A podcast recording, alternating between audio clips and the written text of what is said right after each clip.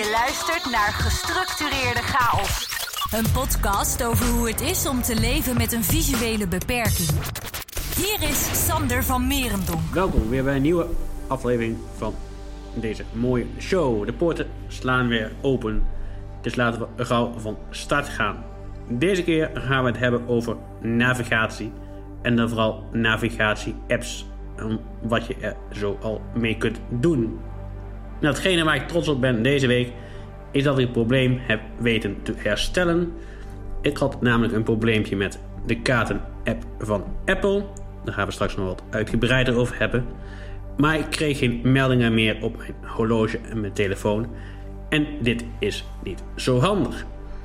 Nu heb ik dit opgelost door eerst de app zelf aan te zetten, de route, door middel van Siri, spraak dus in dit geval. En daarnaast een andere app, zodat het beter ging. Want de weg andersom lukte een tijdje niet meer. Dit is wel het meest handige proces, maar dit lukte gewoon niet meer. En dat was een beetje irritant. Het ging me frustreren. Dus heb ik er even mee zitten spelen. En uiteindelijk werkte het ook goed. Dit heb ik ook buiten uitgetest. En nu werkt het weer naar behoren. Dus ik moet er even aan denken om eerst die app te openen voordat ik de andere app open. Dus dat is wel eventjes handig om te weten en aan te denken voor mezelf. Gestructureerde Chaos. De podcast die orde op zaken stelt. Navigatie is heel handig, zeker als je een belangrijke zintuig mist, zoals onze doelgroep, de ogen. En dan moet je dit toch proberen te ondervangen op een andere manier. Even wat tips vooraf. Navigatie kan natuurlijk nooit een stok of een geleidehond vervangen. Het is altijd een middel erbij. Wat je helpt om je beter te kunnen oriënteren in de ruimte. En ook beter te kunnen navigeren naar een bepaalde plek. Dit kan een ziekenhuis zijn, een gemeentehuis. Het kan eigenlijk van alles zijn. Het is maar net waar je naartoe wilt op dat moment. Daarnaast is het ook handig om je te realiseren dat je beter maar één oortje in kan houden. Meestal is dat een Bluetooth oortje, gok ik eventjes. Omdat je anders de omgeving niet meer hoort. En dit kan gewoon leiden tot gevaarlijke situaties. En dat wil niemand, lijkt mij. Dus vandaar dat het eventjes handig is om je dat te realiseren. Nou, wat voor apps zijn er nu allemaal op de markt voor onze doelgroep? Om mee te beginnen is er een app genaamd Blind Square. Deze app staat in de App Store. En deze kost op dit moment boven de 40 euro. Toen ik hem kocht, een jaar of acht geleden, kost hij veel minder. Nou, wat kun je nou met deze app?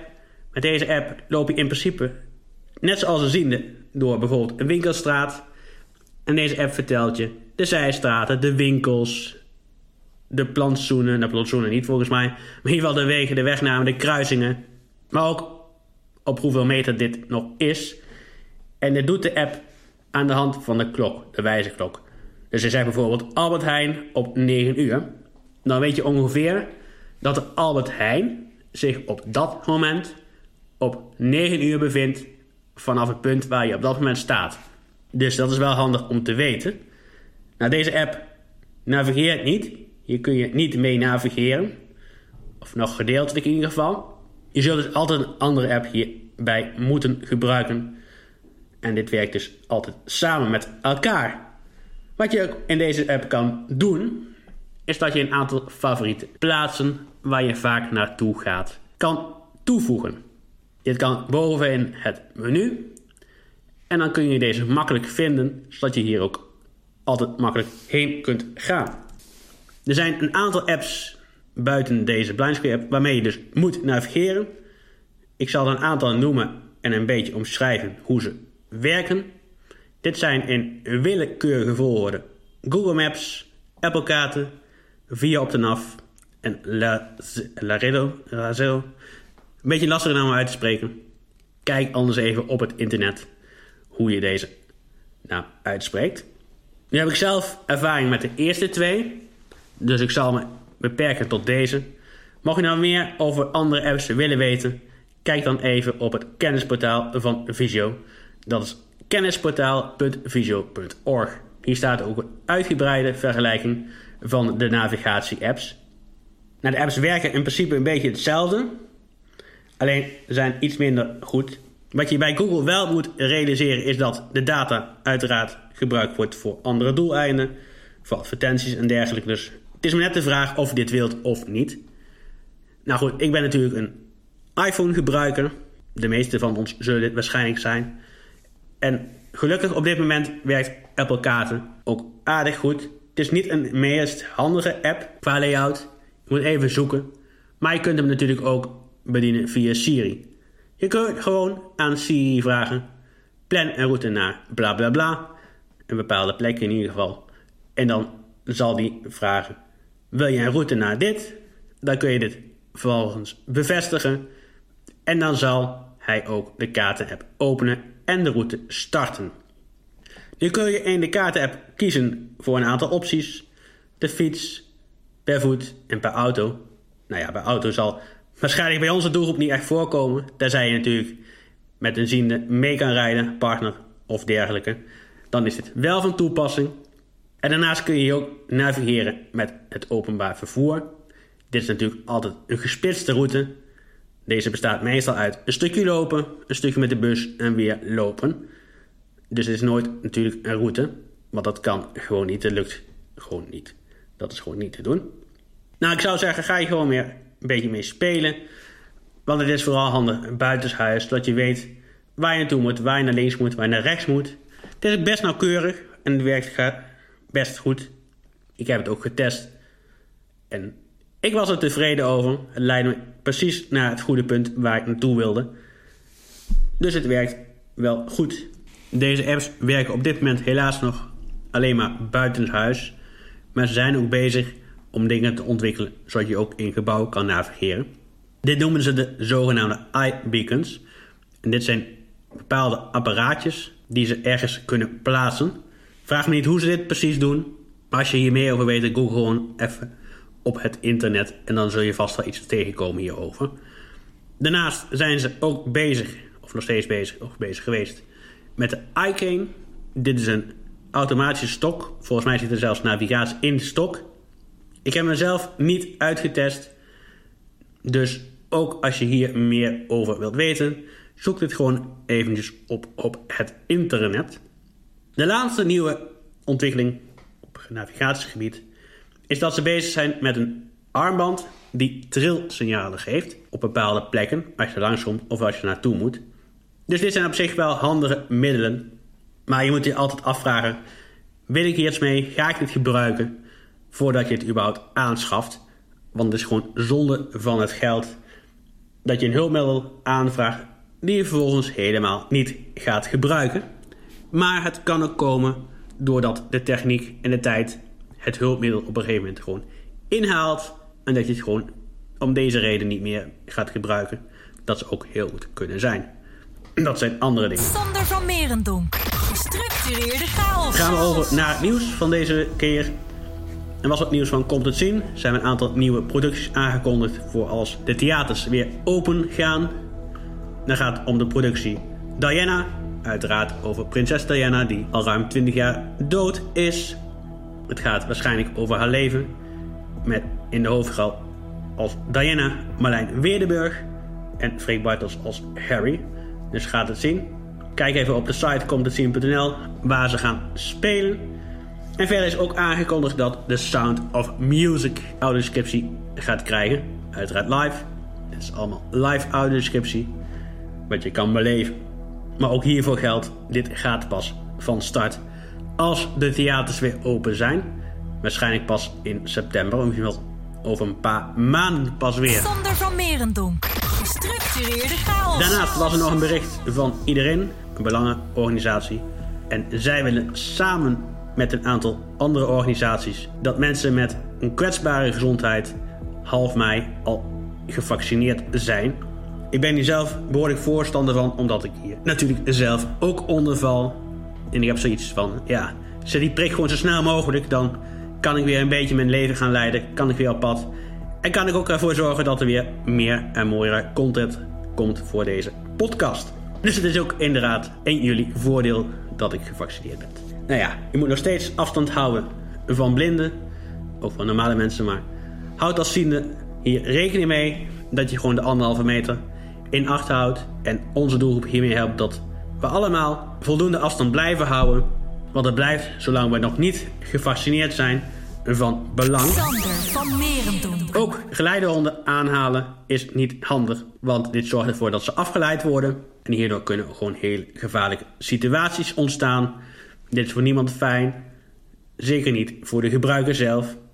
En wat hiermee samenhangt, is ook dat geleidehonden op sommige plaatsen geweigerd kunnen worden. Dit is niet fijn voor de gebruiker, want ja, als de geleidehond geweigerd wordt, dan wordt de persoon zelf natuurlijk ook gewoon geweigerd. En dat is niet fijn, want dan kun je gewoon bijvoorbeeld niet naar het restaurant toe. En dan moet je eerst naar huis toe, je hond daar stallen en weer terug naar het restaurant. En dan mis je gewoon een belangrijk hulpmiddel, waardoor je wel naar het restaurant zou kunnen. Dat is voor niemand fijn. Er bereikte me afgelopen week ook een schrikbarend bericht met betrekking tot geleidehonden. En dat is een hond die vergiftigd is. Hij was aan het loslopen, dit was in Zwijndrecht. En hij heeft daar een gehaktbal opgegeten waar schijnbaar hele giftige stoffen in zaten. De hond is er slecht aan toe, komt allemaal bloed uit, zijn hartslag. Dus de vraag is maar of hij, slash zij het gaat halen.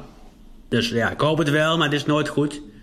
Dit kan iedere hond natuurlijk overkomen, want het lag gewoon in een losroepgebied. Dus ja, het heeft er niet specifiek mee te maken dat dit nou een geleidehond was. Dit kan gewoon iedere hond overkomen. Dus dat. Zet ook geen obstakels op geleidelijnen, want ook dit kan zorgen voor gevaarlijke situaties. Kan met name op snelle snelheid ergens tegenaan knallen. En dan kun je jezelf blesseren terwijl dat gewoon niet de bedoeling is. Of nou ja, het is gewoon heel erg belangrijk dat deze lijnen vrijgehouden worden. Mocht je daar meer over weten, kijk dan vooral even op de site van houddeleinvrij.nl. Deze actie vervolgt nog steeds, want het blijft ook nog steeds van belang. En als gemeenteinstantie kun je hier ook nog steeds de Houd de Lijn Vrij tegel bestellen, die naast een geleidlijn gelegd kan worden. Zorg er ook voor dat je niet zomaar hulp biedt aan blinde of slechtziende mensen, want het kan ervoor zorgen dat ze ontzettend schrikken. Dan gaan ze bijvoorbeeld naar de overkant van de straat, terwijl ze hier helemaal niet naartoe willen. Dus doe dit niet. Mijn tip is in deze ook nog steeds: vraag eerst aan degene of hij slash zij wel hulp wilt hebben of naar de overkant wil gaan, voordat je dit überhaupt doet, want het kan zorgen voor een behoorlijke schrikreactie. En dan ook nog iets belangrijks is dat in grondwet artikel 1 is opgenomen dat je mensen met een beperking niet mag discrimineren. Dit is er laatst aan toegevoegd. Nu mag je natuurlijk al mensen met andere huidskleur, ras, religie niet discrimineren, maar dit is dus nog aangevuld met mensen met een beperking. Nou ja, de maatregelen rondom COVID zijn nog steeds niet echt veranderd. Ik hoop dat de komende tijd de terrassen weer open zouden mogen. Want dit zal ervoor zorgen, wat mij betreft, dat de parken minder druk gaan worden. Dat ze minder vaak afgesloten moeten worden. Ook met het mooie weer en aantocht. Dit zorgt er toch voor dat meer mensen naar buiten gaan. En ja, waar moeten ze naartoe als alles dicht? Uiteraard naar een park. Dus als je de terrassen opengooit en ook alle buitenruimtes, waar ook pretparken en dierentuinen onder vallen, dan zorg je wat mij betreft gewoon voor dat mensen meer verspreid raken over de omgeving waardoor het ook minder druk wordt. Dus dat wat betreft de beperking op dit moment. Nou ja, verder gaat het nog steeds wel aardig. Ik mag nog steeds twee dagen per week naar Nijmegen toe. Dus daar voel ik me wel goed onder dat het gewoon kan. Dat is gewoon het uitje van de week. Ook druk met bewegen, nog steeds meer mee wandelen. Ook omdat het een mooier en beter weer gaat worden. Dus dat is allemaal goed. En ik hoop ook dat ik uh, ergens in mei een keer gevaccineerd mag gaan worden. Dus dan kan ik ook wel meer op pad. Dat zou wel heel fijn zijn op dat, uh, dat betreft. Daarnaast ook nog wat nieuws van een bepaald park uit Brabant. De grootste treklijster van Nederland. Zij gaan meedoen aan een Field Up event. Dat is op zaterdag 24 april. Hier zijn wel een hoop restricties aan verbonden. Alle mensen en kinderen vanaf 5 jaar moeten zich laten testen van tevoren op een andere locatie. En je moet je uiteraard ook aanmelden en een tijdslot reserveren voordat je hier naartoe mag. Er zijn niet zo heel veel attracties open, maar 11 en hier mogen 8000 mensen aan meedoen. Dit doen ze om ervoor te zorgen dat er zo realistisch mogelijke situatie gecreëerd wordt. Dat de wachtrijen ook vol staan. Zodat ze precies kunnen zien en monitoren wat er gebeurt. Als de anderhalve meter losgelaten wordt en niemand een mondkapje draagt. Ik ben heel erg benieuwd of ze de 8000 mensen gaan halen. Dat is het eerste punt. En het tweede punt is, waarom doen ze het überhaupt als ze toch op 11 mei al open zouden mogen? Dat vind ik ook een beetje apart. Maar goed, ik snap heel goed dat ze het doen. En dit is ook niet vanuit de Efteling, denk ik. Walibi Toverland. Even om ervoor te zorgen dat we geen klachten krijgen van de mediawet. Maar in ieder geval, eh, als ze toch op 11 mei al open mogen. Dat is wel, eh, wel raar. Of in ieder geval, die 11 mei is genoemd in het openingsplan... wat is gepresenteerd op de persconferentie van afgelopen week. Deze week, komende week, of in ieder geval... ben benieuwd of die al is geweest als deze aflevering online komt. Is er in ieder geval weer een persconferentie... En hopelijk gaan ze dan aankondigen dat de terrassen open mogen en de avondklok verminderd wordt. Dat in ieder geval, dat hoop ik wel. Dit was het even voor deze keer. Mocht je willen reageren, kan dat uiteraard. Dat kan via info gestructureerde chaos.nl. Het kan via het contactformulier op de website, via de Facebookpagina van Gestructureerde Chaos of via Twitter. De podcast is te vinden op allerlei platforms, Spotify, Apple Podcast. En vertel van het bestaan van deze show aan je vriend, je buurman, je vader, je moeder, je hond, je cavia, je konijn. En tot uh, volgende time. Bedankt voor het luisteren naar deze aflevering van Gestructureerde Chaos. Niets missen van deze podcast? Abonneer je dan nu via de diverse platforms.